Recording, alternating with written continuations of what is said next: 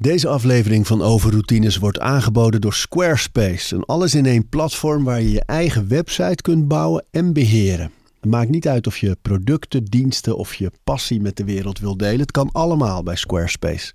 Ik noem even kort drie handige functies van het platform. Met het ontwerpsysteem kan je makkelijk je website vormgeven en het helemaal eigen maken. Squarespace analyseert hoe je website presteert en wat er voor nodig is om je bedrijf online verder te laten groeien. En ook kan je abonnementen en exclusieve content aanbieden aan betalende leden. Start nu je gratis proefperiode via squarespace.com/overroutines en ben je klaar om je website echt te lanceren? Gebruik dan de code overroutines, dan krijg je 10% korting op je eerste aankoop van een website of domein. De stroom. Mijn gast vandaag is bodybuilder Wesley Vissers. En ik moet eerlijk zeggen dat ik heel vaak tips en tricks uit zijn Instagram stories pik. Want daar deelt hij ontzettend veel achtergronden en een hele mooie kijk op trainen, op eten, op herstellen. Het leek me heerlijk om hem in over routines al die dingen eens een keer lekker live te kunnen vragen. We praten over routines. Ik zat net na te denken over of jij nou de zwaarste persoon op die stoel bent geweest. Olivier Richters is hier geweest. Heb ik gezien, ja. en die zei dat hij er wel eens doorheen gaat. Maar, Ja. jij, maar jij zit nu eigenlijk vrij licht voor jou doen op 112 kilo. Klopt, 112 kilo, dat is ook mijn, bijna mijn maximale gewicht wat ik mag wegen op het podium. Dus er streef je altijd naar om dat gewicht te behalen. Maar in de off-season, dus oftewel de groeifase, dan kan het wel eens tot de 130 kilo eh, oplopen. Dus Oh, ja, daar zit dan wel een, eh, een groot verschilletje in, zeg maar. oh ja, daar willen we natuurlijk meer over horen. Zo, Ja, hoe ja, je ja. dat doet. Hè? Ja. Want daar zitten lessen voor eigenlijk iedereen die sport. Van, weet je, dat, dat bulken, dat kutten, dat zwaarder worden, eh, droger worden. Maar Mhm. ook gewoon, er komt zoveel uit bodybuilding nu overgewaaid naar de rest van de fitnesswereld. Aan Ja. tips en tricks, trainingsmethodes. Omdat jullie zo beeld houden en zo Ja. specifiek natuurlijk weten wat je moet doen om een bepaald fysiek te krijgen. Ja. Ja, mooi man. Ja, dat merk je wel. Ik vind eigenlijk de tijd van Arnold, hè, de jaren 70 en eigenlijk ook een beetje de jaren 60 van Larry Scott, de echte oprichters van het bekendmaken van bodybuilding. Daar is eigenlijk alles een beetje ontstaan, naar mijn mening. In wat je nu in de rest van bijna alle sporten ziet, die iets met fysiek of prestatie te maken heeft in, eh, in die sport. Dus, ja. Hey, voordat we echt die sport induiken, van, eh, hoe begint zoiets eigenlijk? Dat je als jongetje besluit, ik ga dit worden. Nou ja, bij mij, ik heb heel mijn leven al een eh, voorbeeld gehad. Als in mijn vader, die altijd breed was, sterk was, groot was. Die woog ook eh, rond de 110 plus. En hoe lang is die? 1,85, zoiets. Dus ja, maar voor mij was dat eerst normaal. Tot ik erachter kwam dat andere vaders helemaal niet zo waren. Dus toen dacht ik van, oh wacht, dus je moet er echt iets voor doen om zo te Zo worden. word je niet geboren. Nee, en we keken ook altijd eh, Superman, X-Men, eh, natuurlijk de films van Arnold, Sylvester Stallone. Iedere hoofdrolspeler die de held was, was gespierd. En ik dacht van, oké, dat is wel heel mooi om te zien, motiverend. Dus dat moet, daar moet iets goeds achter zitten. En ik vond het natuurlijk ook heel leuk om, ehm, om gewoon dat zelf te gaan creëren. Dus ehm, toen ik 14 was, dat was de eerste legale leeftijd dat je op de sportschool krachttraining mocht doen toen. Volgens mij werd er toen ook nog gedacht dat het iets met je groei zou kunnen doen. Dus als je te jong zou beginnen, dat je dan eh, ja, je groei eigenlijk zou kunnen belemmeren. Dus dat is zo veranderd nu. Dat Ja. je inderdaad, eh, altijd was het zo 16 of zelfs 18 bij sommige Ja. sportscholen voordat je erin mocht. En dat ze dan bang waren dat inderdaad de, de druk op de groeiplaten, dat het de groei in de weg zou zitten. Of dat er, dat is helemaal achterhaald. Ja, en dat vind ik zonde dat dat inderdaad dan toen erin werd gestampt van nee, je mag niks doen met kracht of, of dat soort dingen tot je oud genoeg bent. Maar jij als 14-jarig jochie in die gym, wat zag je? Ja, eerst vond ik het eigenlijk niet eens leuk. Want ik toen pas besefte ik dat het best moeilijk was. Het was niet eh, even trainen en weer naar huis en je groeit. Het is echt wel veel moeite die erin moet steken qua... Ja, ik was eigenlijk... eh, Ik ben altijd een, ook een gamer geweest, dus ik zat veel. En ik heb al aan turnen gedaan. Ehm, dus ik was, doordat mijn ouders zeiden van je moet een sport gaan doen. Dus ik heb dat een paar jaar gedaan. Ehm, maar buiten dat was ik best wel, denk ik, gewoon best wel lui. En op het moment dat ik dus eh krachttraining ging doen, merkte ik van, oh, dit is best wel moeilijk, intens. En je merkt niet gelijk dat je gespierder wordt. Dus je doet veel moeite, maar je merkt nog geen verschil. Maar op het moment dat je wel progressie gaat zien, dan begint het leuk te worden. En eigenlijk vanaf het moment dat je progressie ziet, dan is het een soort bijna verslaving van wow, je doet er moeite voor en er komt ook daadwerkelijk iets voor terug. En dat was mijn drive om door te blijven gaan. Maar omdat mijn vader erbij was, hij heeft mij geleerd niet alleen ga van punt A naar punt B, bijvoorbeeld met een chest press, maar de spier die er verantwoordelijk voor is, de borst, die moet je ook voelen.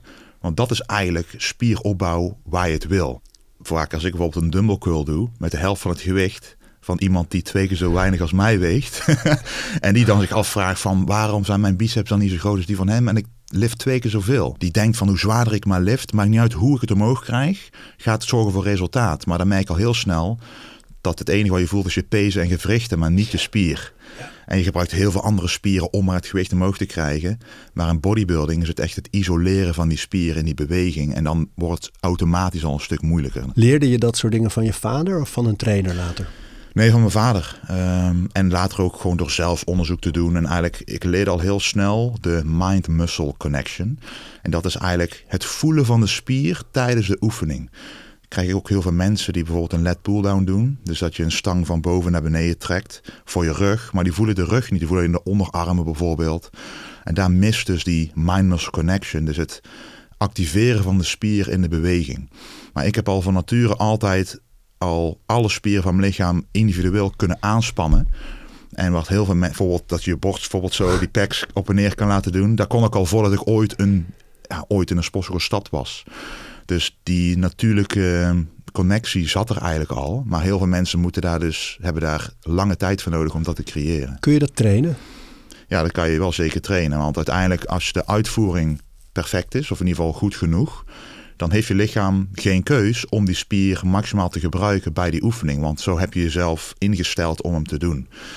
Dus dan voel je ook op een gegeven moment na 10 reps voel je ook een, de pomp, oftewel de hoeveelheid bloed die in de spier zit, die blijft er ook langer zitten. Dus je spiercellen zwellen op en dan gaat dus ook een sensatie naartoe van een gevoel van, oh daar zit die spier dus. Maar dat gaat verder dan eraan denken, of hoe, hoe, hoe doe je dit technisch? Ja, het heet inderdaad een mind-muscle connection. Dus je denkt van, oh je moet eraan denken en dan kom je erin. Um, maar het is wel het is wel een beetje zo. Want als je bijvoorbeeld een bicep curl doet, je kan gewoon omlaag gaan, omhoog gaan. En je zit te kijken naar die armen, jongen. Ja. Dat is. Maar, je zit in het wedstrijdseizoen, maar ja. dat is niet normaal, jongen. Wat een. Ja. Beukers van armen. Dankjewel. Kurk droog. Dank je. Ja, dat is op dit moment echt de bedoeling. Ja, zo droog mogelijk staan voor de, voor de wedstrijd. Maar um, inderdaad, als jij die bicep aanspant, je kan hem aanspannen of je kan hem echt hard aanspannen. En dat je echt die, die die piekcontractie erin krijgt. En dat vind ik echt een mind-muscle connection. Je kan, hem, je kan of inderdaad de dumbbell van laag naar boven curlen en dan gebruik je die bicep. Maar op het moment dat je helemaal boven bent, kan je ook nog die extra squeeze eraan geven. Wat voor mij het veel makkelijker maakt om die spier echt te voelen in de gehele oefening eigenlijk. En ik ben ook echt van overtuigd, is nog niet wetenschappelijk bewezen, maar zoals bij veel dingen bij bodybuilding, bodybuilders weten al heel veel dingen. Twintig jaar later wordt het bewezen. Maar ik ben er echt van overtuigd dat als je dat doet, dan kerf je ook letterlijk die spier. Net zoals een beeldhouwer een, een beeld gaat maken. Dat je die spier vormt zoals jij dat, dat jij die wil zijn.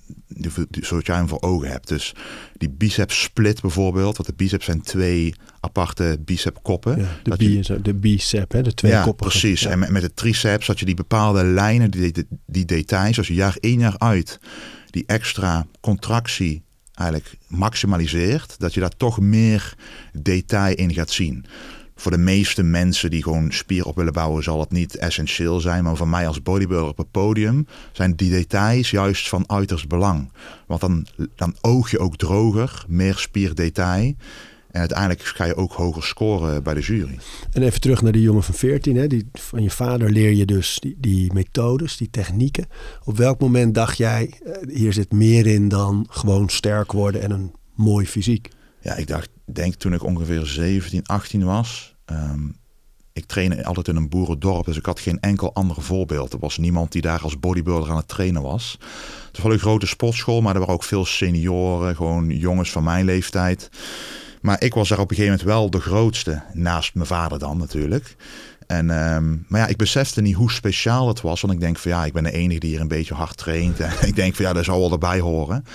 Op een gegeven moment verhuisden wij naar een grotere stad, Breda. En uh, ook een andere sportschool dus. En daar trainen dus wel serieuzere bodybuilders. En toen was ik inmiddels 19. En toen uh, zei iemand daar, die al wedstrijden ook had gedaan, van... Uh, waarom ga je geen wedstrijden doen? Want je ziet er echt goed uit voor je leeftijd. Je, bent echt, je staat droog van nature, je bent gespierd. En ik dacht van nee, ik ben geen Ronnie Coleman, ik ben geen Jay Cutler. Zeg maar, dat waren toen een beetje mijn voorbeelden qua de top van bodybuilding. Ik dacht dat zijn bodybuildingwedstrijden. Maar hij liet mij toen een poster zien die in die sportschool hing van, die heette toen de Flex Cup. En dat was gewoon een amateur Nederlandse wedstrijd in Veldhoven. En toen zag ik de lichamen die op dat podium stonden, dacht ik van, oh wacht even, als die daar kunnen staan, dan kan ik er denk ik wel tussen staan. En toen zei die, die, die man, die zei toen tegen mij van, als jij deze wedstrijd gaat doen, dan ga ik jou gratis coachen naar die wedstrijd toe. Want ja, als bodybuilder heb je een coach nodig voor een wedstrijd, in ieder geval zo denk je dan altijd. En toen ging ik naar huis toe, ik vroeg aan mijn ouders van... Uh, vinden jullie het een goed idee? Want voor mij was nog heel. Ik ben nooit iemand geweest. Ik ben altijd best een introvert persoon. Dus voor mij was het een hele uitdaging eigenlijk. En misschien een heel raar iets voor mijn ouders. Die dachten van, hey, gaat hij nou in één keer op het podium willen staan voor heel veel mensen? Maar op een of andere manier voelde dat voor mij toch als iets waar ik mijn zelfverzekerdheid in kon stoppen of eruit kon halen. Wat was dat, denk je, dat dat, dat je zo aansprak? Ja, ik denk ook omdat ervaren bodybuilders tegen mij zeiden van, je hebt er talent voor. Dus ik besefte toen pas in één keer van, oh, ik ben dus wel goed in deze sport, terwijl ik me dat niet eens besefte. Het succes ervaren is een aanjager, hè? Dat ja, je iets precies. fijns ervaart, iets Ja. positiefs, bevestiging, Ja. succes. Ja, en ik denk, ik heb toch niks te verliezen hier. Ik bedoel, ik word gratis gecoacht. Ik krijg dus een voedingsschema. Hoef ik al niet over na te denken. Training heb ik altijd zelf gedaan. Dus dat, dat vond ik ook super leuk. Dat ging ook goed, want ik groeide. Dus het, het, iets moest er werken. en eh, het was toen een paar maanden verwijderd van die wedstrijd. En ik had gewoon besloten, ja, ik ga het gewoon doen. Want hoe ging die wedstrijd? En ik had die gewonnen. Ja, ik heb eigenlijk, eigenlijk alles toen gewonnen wat je toen kon winnen als junior zijnde. En dat was eigenlijk een bevestiging van, oké, hier moet ik iets mee gaan doen. En toen ben ik echt eh, omgegaan qua, ik ben geen sporter meer, maar echt een bodybuilder nu. Hey, en hoe was het voor zo'n zo'n introverte jongen die eigenlijk uit een klein dorp komt, Ja. om op zo'n podium, om iedereen te verslaan en dat wakkerde in jou toch iets aan van een soort wedstrijd, een beetje competitiegevoel, beter willen zijn, sterker willen zijn, groter willen zijn. Ja, precies. Het ontwaakte eigenlijk iets in mij dat ik, dat er, waarvan ik dacht, het heeft altijd wel gezeten, maar ik heb nooit een manier gehad om het eruit te kunnen halen. En dit was mijn ultieme manier.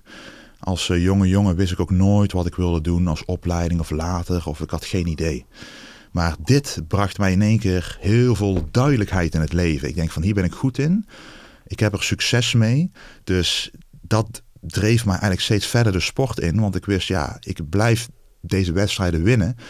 En ik werd genoemd in Muscle and Fitness magazine, die toen nog bestond in Nederland, als de Nederlandse Arnold Schwarzenegger, de Dutch ook. Het staat op je Ja, precies. Dus ik heb dat, in plaats van dat ik dat genegeerd heb, heb ik natuurlijk omarmd. Als iemand jou buiten jou om jou gaat vergelijken met Arnold, dan zou het dom zijn om daar niet iets mee te Ja. gaan doen. Ja, en je ziet het op de socials veel gebeuren, omdat je Ja. lang bent. Je bent ik, we liepen net door de hal hier. Je bent echt voor een bodybuilder al helemaal erg lang. Ja. Een centimeter langer dan Arnold nog. Ja, klopt. Maar er beginnen ook wel foto's te verschijnen van dat ze dan zijn, eh, zijn foto naast die van jou Ja. plaatsen. En omdat je zo lang en zo wijd bent, Ja. lange armen, grote lange benen, eh, zit er heel veel gelijkenis. Je hebt die vierkante kop. Ja, wel? klopt. Ja, Dat, is, dat is, lijkt me een groot compliment. ja dat, is, dat is het grootste compliment. Is het moeilijk om ook weer niet te veel waarde te hechten aan wat anderen van je vinden? Is dat... Ja, ik ben wel altijd heel nuchter geweest. Ik zie mezelf ook echt, als ik in de spiegel kijk, zie ik niet echt mezelf. Dat ligt eraan hoe ik, op wat voor manier ik in de spiegel kijk, maar dan zie ik zeg maar het beeldhouwwerk van het project eigenlijk. Oké, eh, waar moet ik aan werken? Hoe droog? Bijvoorbeeld, ik zie op mijn benen soms bepaalde lijnen tevoorschijn komen. Op het moment dat ik droog genoeg sta, zie je die lijnen. En dan denk ik van, oké, checkmark, dat heb ik behaald. Maar dan zie ik niet als, oh, dat is Wesley, zeg maar, de, de, de, de jongen of de man. Dat is gewoon de bodybuilder die, die vinkjes af moet vinken om succesvol te zijn in de sport. Zorg je er op die manier ook voor door dat een beetje te scheiden? Wat trouwens alle grote sport... Dat hoor je ook vaak Ja. over Kobe Bryant. Hè? Ja. Die had de Black Mamba. Dan was hij echt in die wedstrijdmode. Ja. Een snoeiharde, bijna gemene, competitive motherfucker. en, eh, en de charismatische vader, vriend enzovoort. Maar als je op die manier kijkt... Hè, dus dat je in de spiegel vooral kijkt naar het project... en daarnaast heb je de man en de vader... Is dat ook een beetje een manier om te zorgen dat het niet iets met je eigen waarde gaat doen. Ja, zeker. Want als ik eerlijk ben, en als ik ook naar andere bodybuilders kijk, veel bodybuilders hebben daar een identiteit van gemaakt. Hun zijn de bodybuilder. Maar ik kan eigenlijk bijna niet wachten. Zeg maar, dat is niet de bodybuilder die nou spreekt, maar dat is Wesley. Om minder gespierd te zijn. Om weer eventjes die vrijheid te voelen van... Ja, ik ga gewoon eten waar ik zin in heb. Of, waar ik, of ik eet even vier uur niet. Bijvoorbeeld dat soort dingen. In plaats van dat je die bodybuilding mindset continu 24-7 moet aanhouden. Die opluchting die je dan voelt, die, die, die vrijheid. Daar, daar hunger je wel eens naar. En dat hoort niet bij die bodybuilder.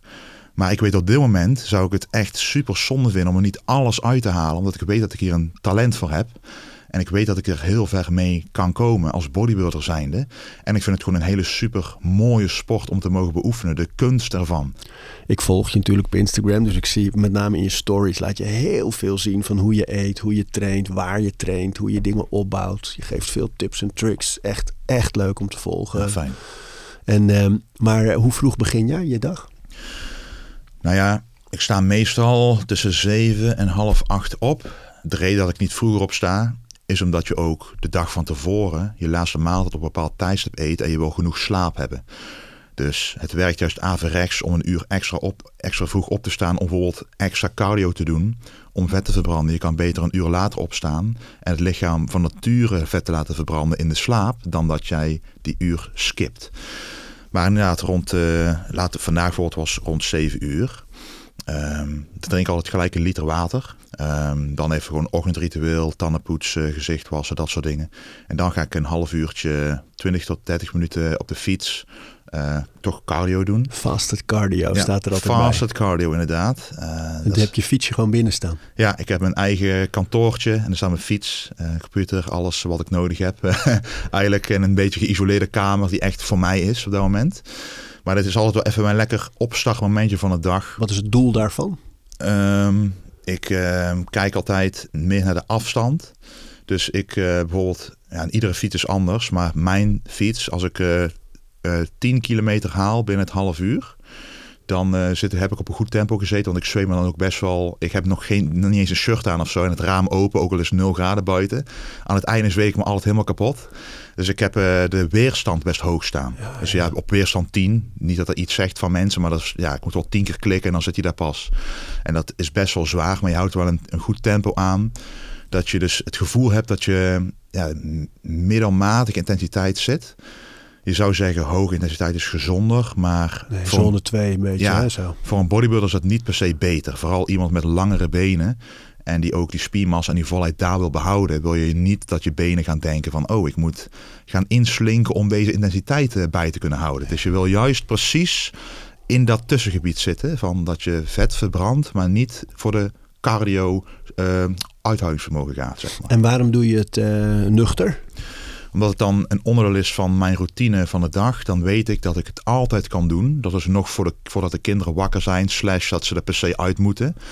Want je weet nooit met kinderen en met de rest van het ondernemerschap hoe de rest van de dag zich gaat uh, invullen. En daarna dan uh, vaak, uh, denk de helft van de week is mijn vriendin. Um, die gaat naar de sportschool toe al voordat de kinderen uit bed gaan. Die geeft les op de sportschool personal training. Dus dan haal ik de kinderen uit bed. Je kleedt ze aan. Uh, maak ontbijt voor de kinderen. Uh, geef ze ontbijt. Dan maak ik pas mijn eigen ontbijt. Ik, ik kom altijd dan als tweede. Maar dat vind ik wel fijn, want dan zit er langer tijd tussen. Of heb ik, uh, eet ik later, waardoor minder tijd tussen de maaltijden zit voor de rest van de dag. Want hongergevoel speelt nu wel een rol. dus die wil je zo lang mogelijk kunnen stillen eigenlijk. En in de ochtend kan je het wel langer uitstellen op die manier. Um, en dan maak ik mijn ontbijt. Maar voordat ik die opeet, ga ik vaak nog een half uurtje buiten lopen met de kinderen. Of het nou regent, of nou sneeuwt, maakt gewoon niet uit. Eigenlijk, behalve als het echt stormt, maar dat is bijna nooit op dit op dit uh, tijdstip van de dag. Maar ik vind het belangrijk om mijn kinderen ook aan te leren van... Uh, het maakt niet uit als het buiten regent. Dat kan juist leuk zijn. Mooi. Gewoon uh, regelaars aan. Lekker door de, uh, de, plassen heen fietsen. Dat vindt hij superleuk. Fantastisch. Ja. Het is zo. Als je ziet hoe kinderen geconditioneerd raken. Ja. Dat ze als het regent het al hebben over rot weer, slecht weer, ja, dat naar ken, dat kennen ze niet. Dat kennen ze niet. Nee, maar als je dat, dat... maakt echt niet uit. Dat, uh... Scandinaviërs zeggen dat de tijd. Hè? Het is niet zozeer slecht weer. Je kan hoogstens de verkeerde kleding aan hebben. Precies, ja, inderdaad. maar dan hebben hun ook weer de beweging gehad. En... Um, Vervolgens dan eh, kom ik thuis en dan eh, begin ik aan mijn ontbijt. Samen met eh, best veel pillen en capsules, supplementen. Dat ontbijt, wat, wat, wat eet jij op een ontbijt en welke supplementen gaan er op dat moment allemaal bij? Ja, ik noem het ontbijt altijd het overwinnaarsontbijt. Ja. Omdat het, het is de eerste maaltijd van de dag. Ik zei net, ik doe eerst cardio, ik doe eerst buiten lopen. Dus je stelt hem uit. Maar je weet dat er iets lekkers voor je staat te wachten. Dus je overwint eigenlijk die challenges. Doordat je weet dat het ontbijt voor je staat te wachten. Maar het is niet alleen een lekker ontbijt. Het is ook een gezond, voedzaam ontbijt. Vooral als bodybuilder zijn er met veel eiwitten, koolhydraten en fruit, vezels. Maar het bestaat eigenlijk vooral uit ehm rijstebloem of havermout. Een van de twee of door elkaar. Uh, rijstebloem kies ik omdat het een heel licht verteerbare bron van eh, eiwitten is. Of eh, koolhydraten is. En die rijstebloem is gewoon, eh, is net, is net als tarwebloem, is gewoon Ja. eigenlijk die... Ik haal die eigenlijk bij een, eh, bij een bakkerszaak online. Of mijn sponsor heeft ze ook in rijstpudding. Zijn iets grotere brokjes. Jouw sponsor is ESN, hè? ESN, ja Kunnen hier gewoon alles noemen, hoor. Ah, top. En die bakker online, welke is dat? Dat is dezuidmolen.nl. Iedereen vraagt altijd aan mij, waar haal jij je rijstebloem? Want veel bodybuilders, dat is wel grappig, die gaan naar eh, de winkel, de supermarkt toe en die halen een Olvariet rijstebloem voor baby's. Alleen dan vragen ze zich af, waarom is het zo papperig, zo waterig? Ja, ik zeg, het is ontworpen om in het drinkfles te kunnen doen van een baby, dat het drinkbaar, vloeibaar blijft. Dus dat, daar moet je super weinig water bij doen. En dan pas blijft een beetje echt vasterig. Maar ik krijg altijd een enorme volume met de rijstbloem die ik gebruik van de bakker. Ehm, dan meng ik natuurlijk eerst met water, een beetje bakpoeder, een beetje psyllium husk. Dat is een eh, vezel die nou, tot wel 30 plus keer zijn eigen gewicht op kan nemen in water, waardoor het volume groter wordt. Oh, hoe heet dat? Eh, psyllium husk. Ik doe ook altijd eh, kaneel doorheen, maar je hebt twee soorten kaneel, cassia kaneel en Ceylon kaneel. Ja. Cassia, dat is, wordt vaak verkocht in de supermarkt. Alleen daar zit er dus zit er een klein beetje een soort van afval slash gifstof in. Dat merk je niet bij een beetje over jouw maaltijd heen. Maar als je er iedere dag een paar gram van neemt, gaat het zich opbouwen in, de, in het lichaam. Dus jij pakt die Ceylon Ja, ik pak die om Ceylon. de antioxidanten, de Klopt. kruiden. Eh, ook de um, insulinegevoeligheid te verbeteren. Dus de koolhydraten die je dan neemt, gaan dan eerder naar de spiermassa dan naar de vetmassa bijvoorbeeld. Om het heel simpel te zeggen. Ehm, dat doen we dan allemaal door elkaar mixen. Ook soms met designer flavor powder er doorheen. Eigenlijk een soort zoetstof. Het geeft de basis gewoon een hele lekkere aroma smaak. Dus daar doe ik één schepje van in. En dan heb je eigenlijk de basis. En daarbovenop doe ik bevroren fruit, 250 gram. En dan bovenop het bevroren fruit. Want je hebt dan die warme onderlaag rijstebloem. Bevroren fruit erbovenop. En dan doe ik die whey drip eroverheen. En een whey drip staat eigenlijk voor de typische eiwitshake die we in een shake doen met 300 milliliter water. Meestal dan kan je het gewoon vloeibaar opdrinken. Maar in plaats van 300 milliliter doe ik er 60 milliliter bij 65 gram whey. Dus dan krijg je eigenlijk een soort pasta slash de drip. Dus als je in een bakje dat met een lepel goed mengt, krijg je een hele mooie consistentie, een dikke siroopachtige consistentie. Ja, want het ziet eruit als eh, een bijna stroperig vloeibaar eh, koekjesdeeg. Precies, precies. Maar het, het eh, maakt de smaak dus intenser, want het is eigenlijk ontworpen voor een shake van 300 milliliter, de zoetheid. Maar als je dus drie keer extra of minder verdunt, dan krijg je dus een intensere smaak. Dus dan wordt het een soort eh, glazuurlaag over jouw ontbijt. Maar je, je- als ik het zo noem, lijkt het wel allemaal suiker en vet. Maar er zit geen vet in. Er zit geen suiker in. Het is gewoon puur de, de smaak en intensiteit van een dessert. Maar wel met de gezondheidswaarde van een echt bodybuilding maaltijd. Dus daar, daarom noem ik het het overwinnaarsontbijt. Want je kijkt er zo erg naar uit. En, je, weet- en je, tegelijkertijd haal je ook je doelen ermee. Dus voor mij is het echt een stapel in mijn dieet. Dat is het eerste maal dat die ik, eh, die ik nuttig. Zo joh. En dan? Na die maaltijd? Na die maaltijd, dan eh, vaak eh, is het dan denk ik half tien, tien uur, zoiets. Dan open ik mijn laptop, ehm, check mijn e-mails. Ik heb ook ehm, een eigen website waar ik coaching op geef, voedingsschema's, trainingsschema's. Ook een eigen social media kanaal op eh, YouTube waar ik de comments bijvoorbeeld van lees. Of ik werk aan een thumbnail voor een video of... Dat gedeelte doe je dus wel zelf. Ja, ik doe nog heel veel zelf. Eh, ik beheer ook al mijn social media gewoon zelf. Ik heb van mijn YouTube-video's wel een videograaf die mij filmt en de video's in elkaar zet. Wat ik vroeger altijd jarenlang zelf heb gedaan. Maar tegenwoordig is de kwaliteit zo in gestegen van alle andere kanalen dat je wel mee moet. En ik heb de tijd niet om dat allemaal te leren of überhaupt te doen op die manier. Maar de rest eromheen doe ik al allemaal zelf. Dus dan ben ik eigenlijk bezig met social media onderhouden. Mijn Instagram DM's beantwoord, ik allemaal ook zelf. Mensen nemen de moeite om erop te reageren. Dus ik kan ook de moeite erin steken om zoveel mogelijk die mensen ook persoonlijk te benaderen. En krijg je dan niet dat ze dan bij een volgend moment weer dat ze bijna een soort gesprekken aangaan daarna? Of eh, houden ze op na een antwoord?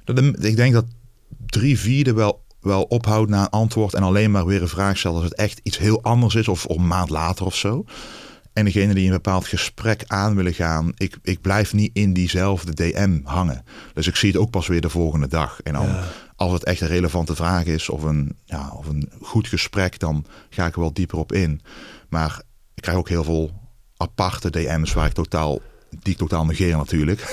Hier zit je, er zit dat Kun je daar een voorbeeld van geven? Nou ja, nou, zo zeg ik, ik was nou al stinkend rijk geweest als ik op alles was ingegaan. Je hebt een hele, in Amerika vooral, een hele muscle worship uh, industrie. en ja, nog veel meer andere dingen die ik beter niet kan benoemen. Een beetje de fetishhoek. Ja, precies. Maar uh, daar is gewoon niet normaal hoeveel je daarmee potentieel zou kunnen verdienen. Maar ook gewoon best wel brutale mannen zijn het eigenlijk 99%. Die gewoon vragen van... Ik, uh, ik zag dat je in Berlijn was. Ik ben, ben hier ook. Um, dit is het adres als je hier naartoe komt. En uh, voor een uur dan uh, betaal ik je cash zoveel. En dan geloven ze ook. En dan soms ga ik erop één en denk van... Oké, okay, even kijken of dit nou echt is. van dan stel ik gewoon, alsof ik zeg maar de volgende stap wil nemen. En dan, ja, ze blijven gewoon echt reageren van, ik zeg dan, ja, heb je dan PayPal? Want ik ken ook bodybuilders die dan iemand hebben overtuigd om via PayPal het bedrag eerst over te maken en vervolgens gewoon helemaal meer negeren. dus ik denk van ja, als, er, als hun durven mij dit te vragen, dan durf ik ook om, om zoiets te proberen. Maar, uh, Geen schroom. Nee, maar zulke dingen krijg je ook heel vaak. Uh, maar wat goed dat je al die echte vragen. Ja, ik doe ook mijn best vaak om. Uh, dat, en dat zal nog lang niet zoveel zijn als bij jou. Maar ehm, ja, met kinderen erbij en zo vind ik het moeilijk. Ja, ik merk hoe meer ik interacteer met de mensen, hoe meer je ook terugkrijgt op de positieve manier. Dus je steekt er veel moeite en tijd in, maar je krijgt ook heel veel ervoor terug. Ja. Dus dan heb je dat blok met de computer. Wanneer, ja. wanneer is de. Hoeveel training doe je eigenlijk op een dag? Uh, anderhalf tot twee uur max. Zonder de cardio meegerekend dan. En zonder alle stappen en zo. Maar puur krachttraining. Anderhalf uur tot twee uur. Ja. Elke dag. En dat is eigenlijk na, die, na dat blok, zeg maar. Ik, ik eet altijd één maaltijd. Dat is voor mij voldoende in principe. Ik merk nog zelfs niet echt verschil of ik nou alleen een eiwitshake drink of een hele maaltijd. Of zo zelfs soms bijna. Ja, ik drink altijd wel een eiwitshake voordat ik ga trainen. Maar qua trainingsprestatie maakt het bij mij eigenlijk niet heel veel uit. Qua voeding. Of ik nou in de avond train of in de ochtend train. Of heb ik eigenlijk nooit echt gehad. Uh, dat komt omdat ik goed weet herstellen van de training en nooit te gek doe in de training zelf. Zodat je gewoon de volgende keer gewoon weer goed hersteld bent. Maar um, meestal tussen 12 en 1 tot 2, zoiets, dan begin ik mijn uh, training. We hebben dus een eigen sportschool. En uh, dat is maar nog geen, ja, iets langer dan vijf minuten rijden. Dus het is gewoon heel. Dus we hebben ze ook expres in die nieuwbouwwijk gaan wonen. Om dichter bij de sportschool te komen wonen. Want het is ook, ja, dat scheelt zoveel tijd en moeite als je ook even een keer op het neer moet of zo. En ja, het is ook. En jij traint daar en zij en je vriendin geeft daar les. Ja, ja dus uh, we hebben onlangs, uh, zij is de oorspronkelijke eigenaar, moet ik er wel heel duidelijk bij zeggen. Maar uh, tegenwoordig investeren we er alle twee heel veel in. We hebben laatst nog een extra verdieping erbij gebouwd voor extra machines. Omdat we merken dat het een steeds serieuzere community wordt qua bodybuilding en krachttraining en open gym. Oftewel mensen die gewoon gewoon willen trainen op hun eigen tempo. Ja. In plaats van crossfit, want dat is de oorspronkelijke functie ah. van de gym. Het was een crossfit gym tot ik erbij kwam. Toen was het een crossfit slash bodybuilding gym geworden. Maar, zit je vriendin in CrossFit ook? Ja, ah, ja, tof. Ze heeft CrossFit wedstrijden gedaan. Maar we hebben elkaar ontmoet toen ze nog... Ze was toen ook bezig met CrossFit, maar ze was ook bezig met uh, bodybuilding. Maar eigenlijk um, bikini fitness slash body wellness. En hoe belangrijk voor jou om een vrouw te hebben die je leven begrijpt? Ja, de, eigenlijk is dat het allerbelangrijkste in onze relatie geweest. Want ik uh, ben er heel erg dankbaar dat ze dat begrijpt. En dat ze de, mij de ruimte geeft om deze sport te kunnen beoefenen. Want het is niet makkelijk um, om zo'n partner als mij te hebben qua wedstrijdvoorbereidingen. Ik moet vaak naar het buitenland. Uh, hoe bekender je wordt als bodybuilder, hoe meer buiten de sport je ook gaat doen. Ehm, Promotiedingen. promo promotiedingen, naar, vaak aan het buitenland. eh. maar ze gaat bijvoorbeeld eh 1 maart, dat is mijn eh, volgende wedstrijd, de Arnold Classic. Ze gaat gewoon mee. En het leuke is, zij is vroeger altijd spraytanner geweest bij amateurwedstrijden. Dat wil zeggen dat je dus als bodybuilder krijg je altijd een bruiningslaag op om op het podium onder die lichten nog steeds goed uit te zien. Het contrast goed te hebben in je, in je lichaamdefinitie. Maar zij doet dat nu, dus bij mij, maar dan met een letterlijk. Wij kopen bij de Action een verfroller. en ik heb, wij hebben zelf zo'n eh, van die flesjes thuis staan met bruinings, eh, ja, vloeibaar bruiningsspul, zeg maar. En eh, dat doe je gewoon eh, alsof je gaat verven zo in, een- in een verfbakje. En dan gaat ze mij gewoon eh, zo inkleuren. maar omdat ze de erva- ervaring heeft, ziet het er uiteindelijk echt super mooi uit. Iedereen vraagt altijd van, waar heb jij je tanning gedaan? Het ziet er echt natuurlijk en mooi uit. Heel, eh, ja, je lichaam komt er nog beter naar voren. Gewoon een soort shine 3D effect. Alsof het gewoon high definition wordt allemaal. Ze is gewoon je partner in alle opzichten. Ja, dat klopt. Fantastisch, ja, hè? het is, zij is echt een alleskunner. Ook, Ja. ook met de kinderen natuurlijk. Want ja, je zei net eerder van het is moeilijk om al die tijd te spenderen aan jouw carrière met kinderen. Maar zonder haar is het ook onmogelijk om dat te doen. Zij staat echt eh, dag en nacht ervoor klaar. En eh, ze is een super, super goede mama. Mooi. En ook een hele goede partner daarin. Fijn, ja. joh. Ja, zeker. Hey, en ehm, de indeling van je trainingen, dus dan ehm, ongeveer anderhalf, twee uur per dag. Ehm, ik heb jou, een van jouw tips, echt heel veel gerecycled en in mijn boek gezet ook. Om elke benentraining te beginnen met kuiten. Ja. Kun je beginnen met eh, nog eens uitleggen waarom dat is? Nou ja, kuiten, trainen is iets wat heel veel mensen vaak op het einde van een benentraining doen. Maar op het einde van een benentraining, de moeilijkste lichaamsspiergroep om te trainen, dan heb je eigenlijk nergens meer zin meer in. Dus je raffelt die kuiten maar af. Terwijl de kuiten zijn eigenlijk de fundering van jouw lichaam. Je staat erop, het is, het onder, het is zo dicht mogelijk bij de grond. Het is eigenlijk een hele belangrijke spier. Alleen die wordt no- krijgt nooit dezelfde aandacht als de rest van je lichaam. Want die doe je altijd op het laatst. En als je op het laatst doet, je wil eigenlijk gewoon klaar zijn. Je wil naar huis. Dus dan raf je maar af. Drie sets van dit en je bent klaar. Maar als je kuit op het begin doet, ga je nog met frisse energie die training in. Je hebt nog alle kracht over. Mentale en fysieke kracht. En dus dan kan je alles geven aan die kuiten. Maar het trainen van kuiten neemt niks weg van alle andere oefeningen die je later doet. Maakt Dus- niet uit bij squats of, Nee, of deadlifts speelt, of wat dan ook. speelt verder helemaal geen rol. Maar je hebt ze wel dan helemaal optimaal getraind. Het speelt ook geen mentale vermoeiing of zo. Want je kan je trainen. Je kan er heel diep op ingaan. Maar tien minuten later ben je eigenlijk alweer helemaal fris van die moeite die je daarvoor hebt gedaan. Ja, Ik bedoel, ja, is een kleine spiergroep. Maar juist doordat je ze op het begin doet, steek je er super veel moeite in. Maak je er veel meer progressie in. Je bent ook veel sterker op het begin. En het voordeel, je, wordt, je enkels worden flexibeler van. Je kan dieper zakken met de squat. Waardoor je meer rek krijgt op de quads, de quadriceps. Waardoor je ook meer spierstimulatie krijgt voor die quadriceps. Dus uiteindelijk is het alleen maar een voordeel. Ja, fantastisch. Dat Ja. was zo leuk, want ik, ik, ik zag die tip bij jou.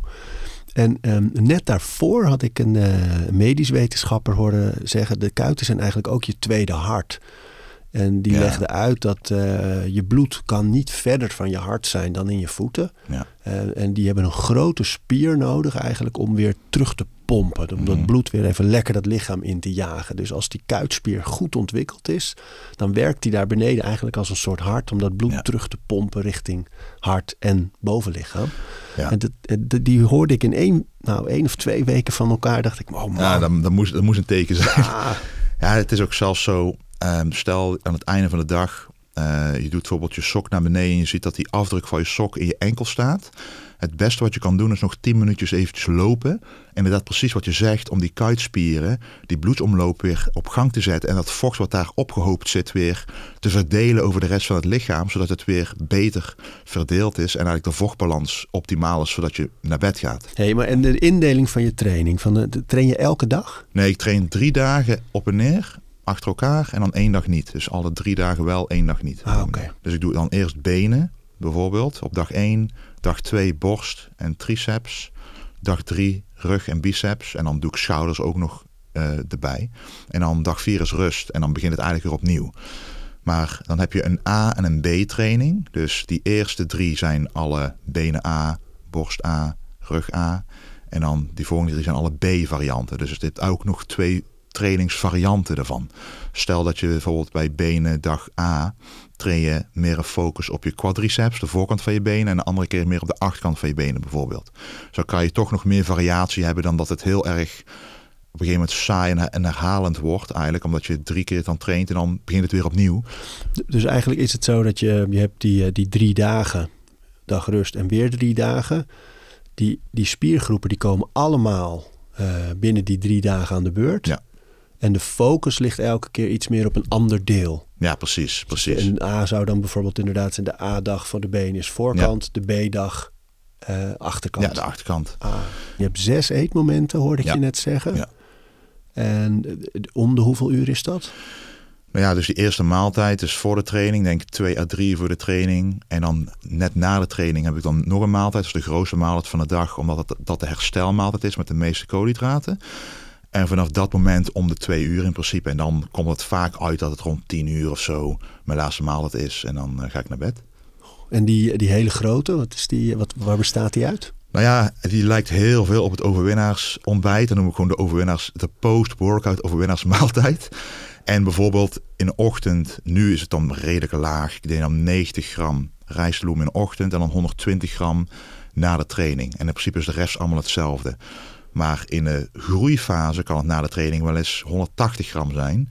En dan in de ochtend 130, 140 gram bijvoorbeeld. Maar het kan ook wel eens zijn dat ik in plaats van rijst en bloem voor een hartige maaltijd ga met gewoon basmati rijst, kip en groente bijvoorbeeld. Dat heb ik soms ook wel eens een Klassiekertje. ja, echt een klassieke inderdaad. Alleen dan niet zo klassiek dat het broccoli is. Want dat is de echte classic. Witte rijst, broccoli en droge kip. Maar dan mijn groenten. Ik ben echt een fan van koken. Een fan van verschillende ingrediënten. Verschillende kleuren in je gerecht. Ben ik heilig van overtuigd dat dat jou ook verder gaat brengen. In iedere sport dan ook. Weer Ik prestatie. denk wel eens bij jou ook dat je, want je ziet er heel gezond uit. Weet je, je hebt goede huid, je, je ziet gewoon gezond. En dat is vaak, vind ik wel, bij bodybuilders of gewoon Ja. krachtsporters. Ja. Die te veel denken van, eh, bijna alsof het wiskunde is. Hè? Ja, Rijst, kip, Ja. broccoli. Dat is dan broccoli nog een beetje groente, maar verder gewoon ook heel veel zoetstoffen. Ja. Heel veel minder gezonde dingen eigenlijk om maar aan die calorieën te komen. En dat zie je aan die huid vaak. Klopt, ik krijg ook vaak de vraag van hoe hou je hu- huid zo schoon? Want er zijn veel bodybuilders die veel acne op de rug hebben, op de schouders hebben. En ehm, ik heb als puber zijn eh, vanaf, ja, ik denk tussen de 14 en 17 had ik een beetje last van. Gewoon puisten zeg maar op het gezicht. ja, zoals ieder, ik had hele vette huid toen. Maar ja, ik had toen ook eh tosties en eh, ja, gewoon, nee, niet, gewoon geen bodybuilding voeding. Dus voeding speelt daar een cruciale rol in. En ik merk inderdaad, ik eet wel 300 gram groente per maaltijd. En dan 250 gram fruit bij die andere twee. Dus dat is gewoon, eh, ja, dat is, dat is best veel op een dag. goed in de vezels en de mineralen. Ja, maar man. ik, ben, ik, vind dat, ik vind het gewoon super lekker. En dat komt van iemand die vroeger niks lustte. Geen enkele groente. Ik hoefde dat. Ik lustte gewoon niks. Dus eh, als je het leert lekker te maken en leert te eten. Daarom vind ik het ook belangrijk om dat aan mijn kinderen te leren. Want als je dat vanaf het begin al doet, eh, wordt je leven zoveel makkelijker. En je blijft zoveel gezonder. En alles gaat gewoon beter in je leven. Dus, maar ik vind het gewoon leuk om. Eh, ik koop dan al die groenten gewoon in. Ik prep ze allemaal. Ik snij ze allemaal vaak in blokjes gewoon. Wat makkelijk is, dan maak je een soort roerbakmix zelf. Dus dan heb ik een grote glazen bak. Doe ik al die blokjes in. Courgette, aubergine, champignon, paprika, wortel. Ja, ja nog, nog meer. Gewoon vaak een mix van allerlei groenten. Waarvan ik weet dat die goed verteren. Want als je broccoli en bloemkool doet. En bonen en spruitjes.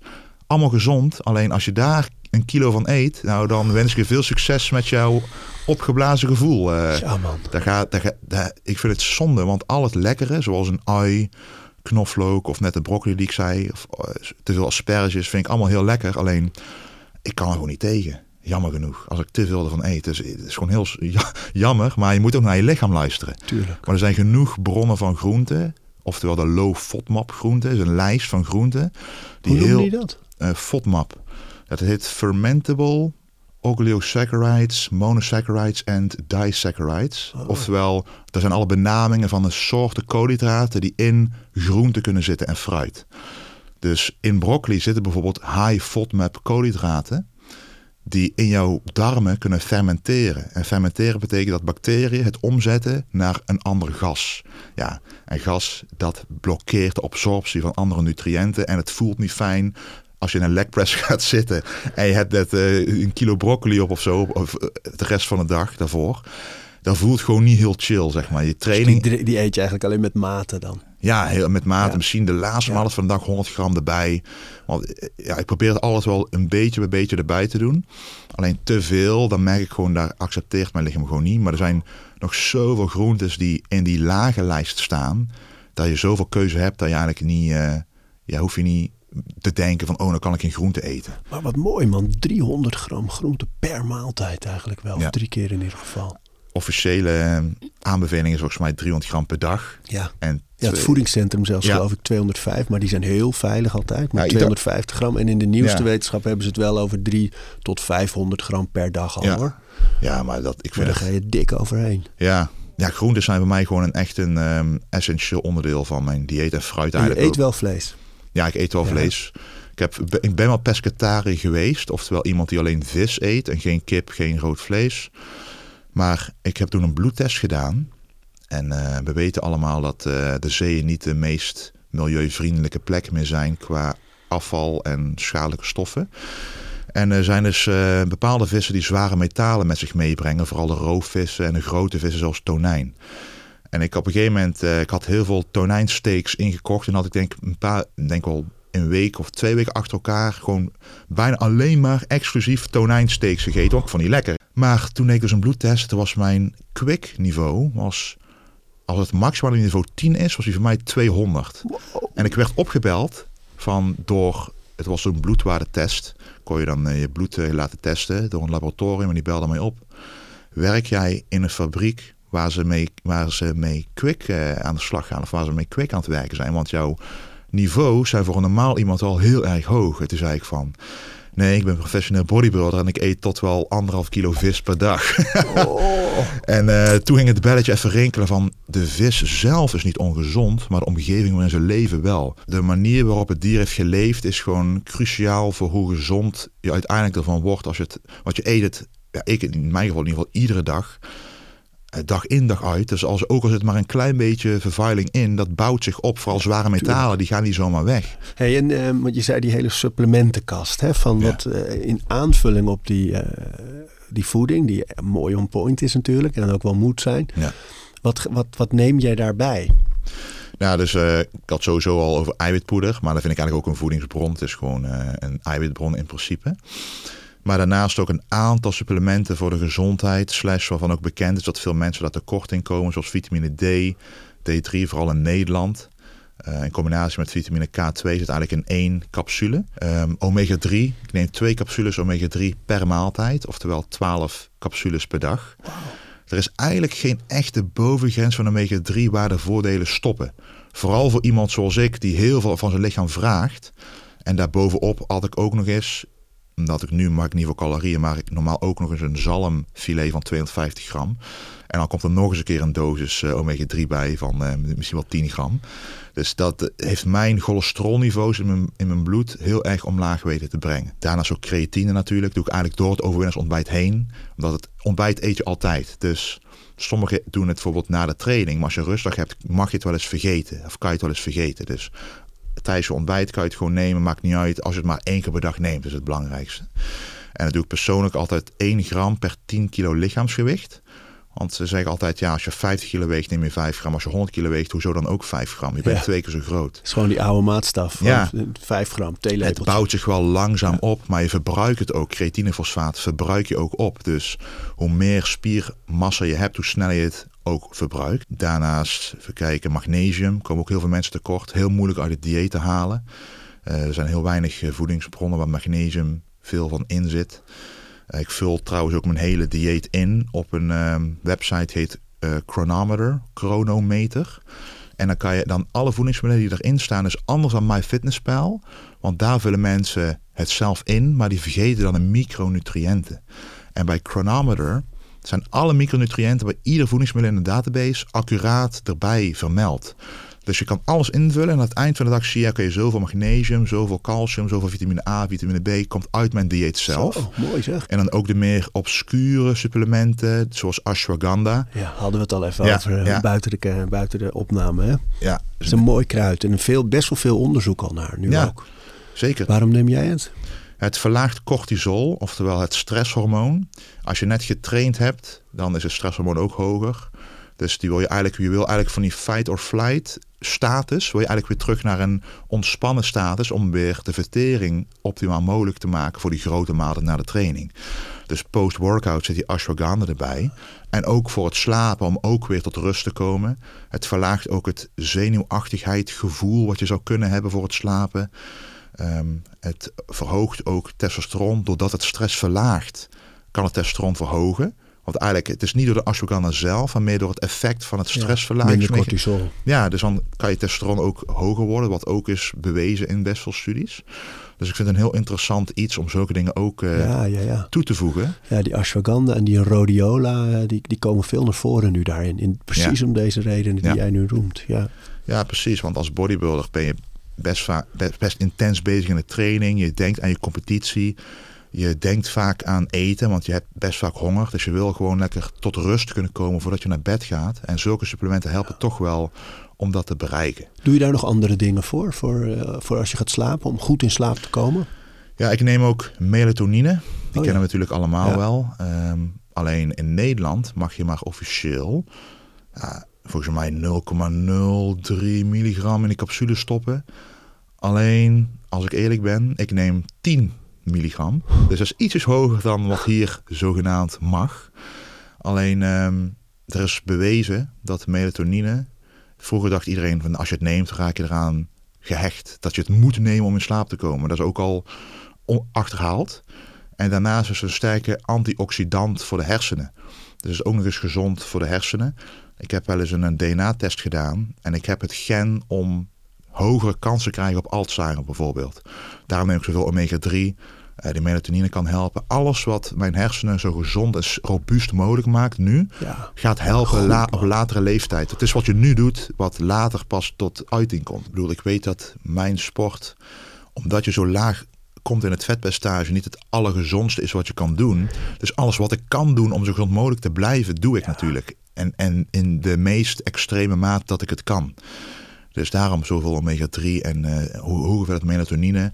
Want hoe beter je slaap is, hoe beter je lichaam ook weer herstelt, hoe beter je de volgende dag weer doorkomt, hoe lager ontstekingswaarden worden. Dus het heeft allemaal vaak een direct, maar ook een indirect effect op de rest van je gezondheid in principe. En over die gezondheid, hè?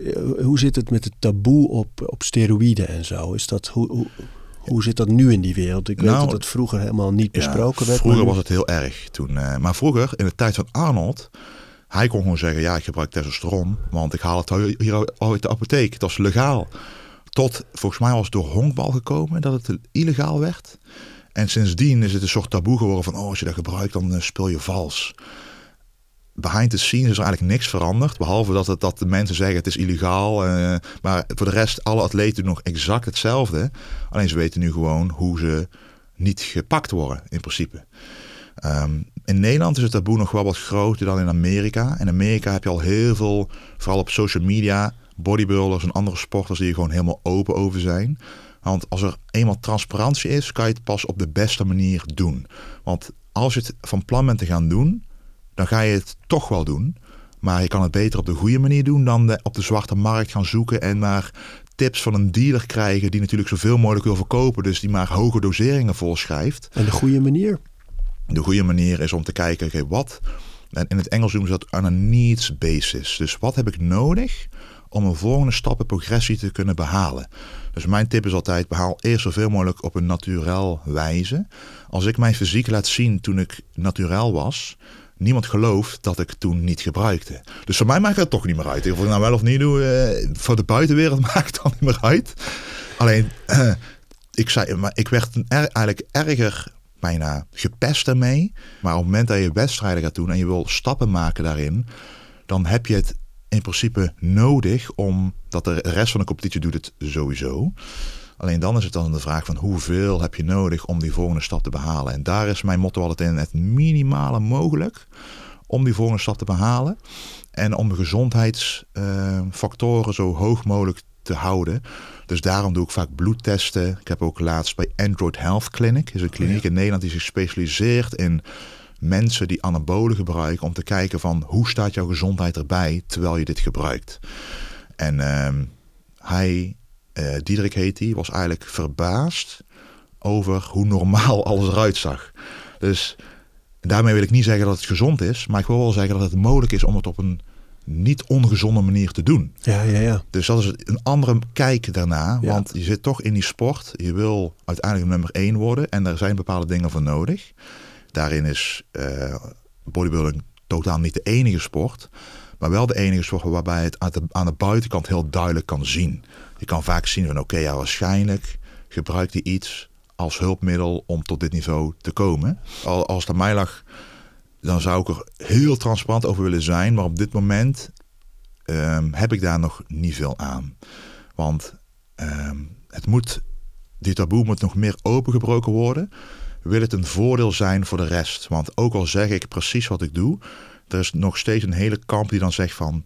Nee, hij gebruikt veel meer. Nee, dat kan nooit. Uh, dan nog heb ik er niks mee gewonnen. Maar wel wel heel goed wat je zegt, dat je af en toe die test doet, juist om die reden. Om te kijken van wat, wat doet het en hoe sta ik erbij. En hoe ja. je monitort je gezondheid echt heel bewust. Klopt. In je voeding, in je training en ja. dus met dit soort bloedonderzoek. Ja, want ik ben een vader, dus ik vind het heel belangrijk om gewoon alles zo bewust mogelijk te kunnen doen. Goed voorbeeld te zijn. En uh, zo lang mogelijk kunnen genieten van mijn kinderen natuurlijk. Dus, uh, ik neem kinderen gaan ook weer denken dat het normaal is om zo'n brede vader te hebben. ja, net als jij. Dat klopt, ja, dat klopt. uh, maar ik, ik, ik duik ook echt die onderzoeken in. Um, ja. ja, je bent een vakidioot, hè? Ja, ik vind het lekker erin. Ja, ik vind het echt heel interessant. En ik, ik, ik ben ook lid van betaalde fora, waar dus professionele bodybuilders hun eigen log bij houden en heel transparant zijn over wat hun doen. Dus het zit achter een paywall, expres, omdat hun dan niet te maken krijgen met die ja. taboe en die publiekelijke vernedering bijna, zeg maar. Of, of dat mensen hun niet geloven. Maar daar kunnen ze gewoon een ding doen, zeggen wat ze doen en het wordt geloofd, omdat ze letterlijk alles laten zien. Dus waarom zouden ze liegen? Dus, dit is hun ding, zeg maar. Ze willen daar mensen leren van zo kan het. En op deze manier kan je het goed doen. Op een gezonde manier, of in ieder geval zonder roekeloos te zijn en nog steeds een fysiek behalen waarvan je denkt van wow, dat is gewoon mogelijk met zo weinig. Dat had je niet verwacht, maar dat kan dus wel. Hey, en in maart naar de Arnold Classic. Yes. Arnold Classic met Arnold Schwarzenegger himself. Ja, man. Ja. Make us proud, Wesley. Nou, ga ik maart. Ja. best doen. Fijn dat je er was, man. Zeker. Dankjewel. Dankjewel. We praten over routines Dankjewel voor het luisteren. En voordat je weer doorgaat naar andere dingen, wil ik je nog even wijzen op Over Inspiratie. Dat is het mailtje dat ik elke donderdag rondstuur met drie tips. Dingen waar ik zelf veel aan gehad heb. Het kunnen producten zijn, artikelen die ik gevonden heb online, onderzoeken uh, Instagram-accounts, podcasts, boeken, van alles eigenlijk. En ik denk dat je daar zelf ook veel aan kunt hebben. Dus vind je het leuk om dat mailtje elke week te ontvangen? Dan kun je je opgeven op ariboomsma.nl onderaan de pagina. Dan krijg je voortaan elke donderdag in je mailbox over inspiratie.